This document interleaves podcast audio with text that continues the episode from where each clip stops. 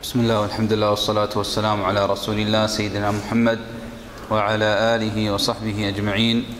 الحمد لله حمدا كثيرا طيبا مباركا كما يحب ربنا ويرضى. الحمد لله على نعمة الإسلام. والحمد لله على نعمة الإيمان. والحمد لله أن وفقنا على حمده. إياه فله الحمد في الأولى والآخرة. سبحانك لا نحصي ثناء عليك. أنت كما أثنيت على نفسك. نكمل مسيرتنا في سلسلة تدبر جزء ثلاثين. وقد وقفنا عند سورة الزلزلة وهذه السورة والتي بعدها والتي بعدها تتكلم هذه السور عن أحوال يوم القيامة. فتذكر أحوال يوم القيامة وتذكر أهوال يوم القيامة. وما يحدث في هذا اليوم العظيم من فزع ومن تطاير للصحف ومن وضع للموازين. فمنهم من تثقل موازينه فيربح ومنهم من تخف موازينه فيخسر. نسأل الله العافية. فبدأ الله عز وجل في سورة الزلزلة فقال إذا زلزلت الأرض زلزالها. أي إذا تحركت الأرض التحرك الذي قد قد وعده الله عز وجل وذكره في كتابه. إذا زلزلت الأرض زلزالها أي تحركت واضطربت وأخرجت الأرض أثقالها أي أخرجت ما فيها من الأموات. من علامات يوم القيامة أن هذه الأرض ستتحرك وتتشقق ويخرج ما فيها من الأموات. وإذا الأرض مدت وألقت ما فيها وتخلت أي مدت تشققت وألقت ما فيها أي أخرجت ما فيها من الأموات. وأخرجت الأرض أثقالها. في هذا المشهد العظيم يقف الكافر الذي قد أنكر أحوال يوم القيامة متعجبا فيقول وقال الإنسان ما لها؟ لماذا الأرض اضطربت؟ وكان من عادتها أنها ساكنة. والناس يمشون عليها بطمأنين. وبراحة دون أي اضطراب. إنها الآخرة إنه يوم القيامة الذي كان يكذب به الكافر والمنافق.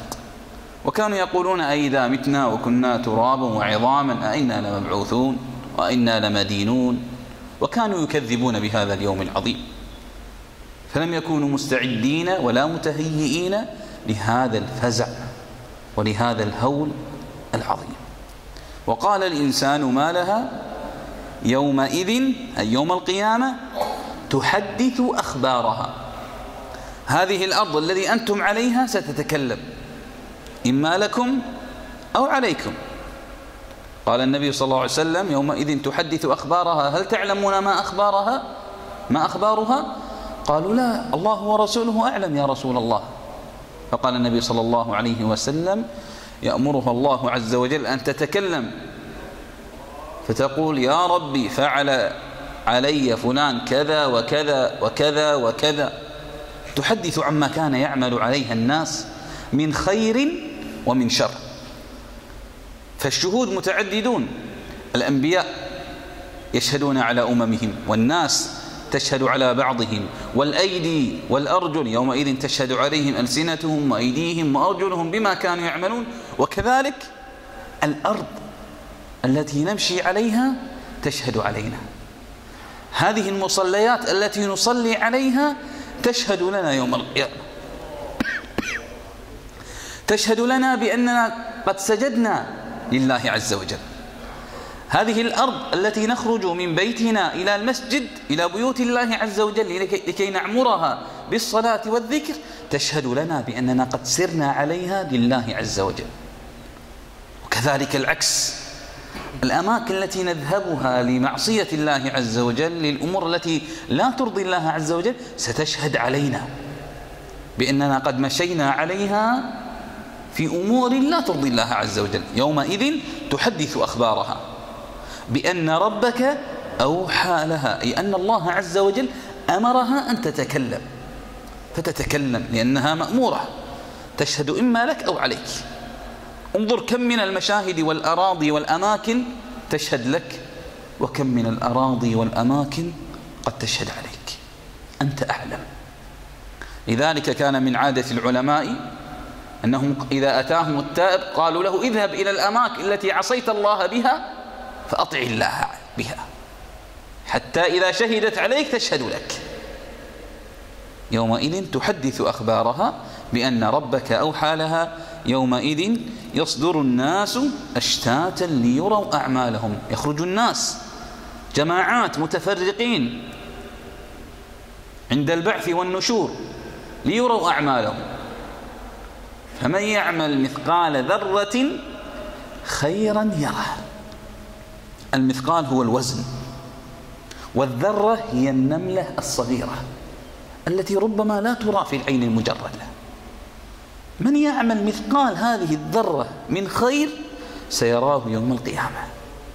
ومن يعمل مثقال هذه الذرة من شر سيراه يوم القيامة.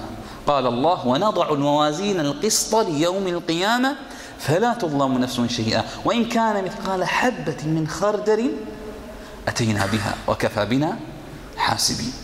الله سبحانه وتعالى لا يظلم ربك أحدا. الابتسامة توضع لك والهمزة واللمز يوضع عليك. فمن يعمل مثقال ذرة خيرا يره ومن يعمل مثقال ذرة شرا يره.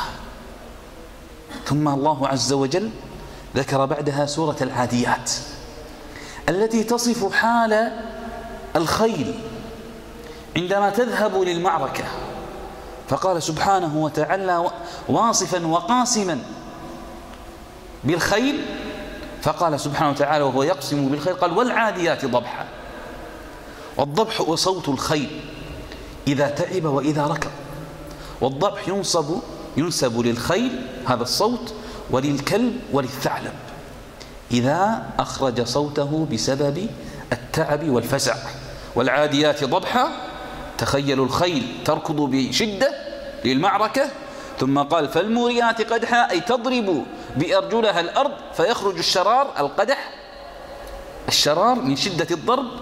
فالمغيرات صبحا أي أنها تغير على الجيش في أول الصباح. فأثرن به نقعا أي بشدة ركضها تثير النقع وهو الغبار. ثم من قوة فارسها أنها تتوسط العدو فوسطن به جمعا بهذا القسم العظيم لهذه الخيل العظيمة الشديدة القوية الفتية المبادرة. يقول الله عز وجل في جواب القسم إن الإنسان لربه لكنود. أي هذا الإنسان يجحد آيات الله.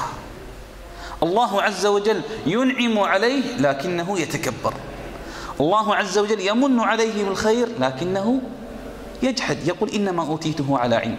إن الإنسان لربه لكنود وإنه على ذلك لشهيد.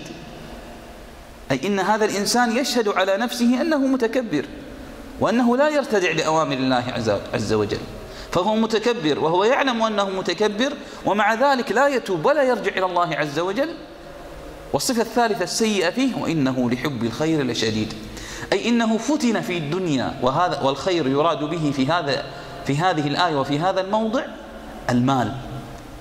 وإنه لحب الخير لشديد أي إنه يحب المال حبا جما. فقد ترك آخرته ودينه وشريعته من أجل عرض من الدنيا قليل. وإنه لحب الخير لشديد ثم يذكره الله عز وجل بمرجعه قال أفلا يعلم إذا بعثر ما في القبور؟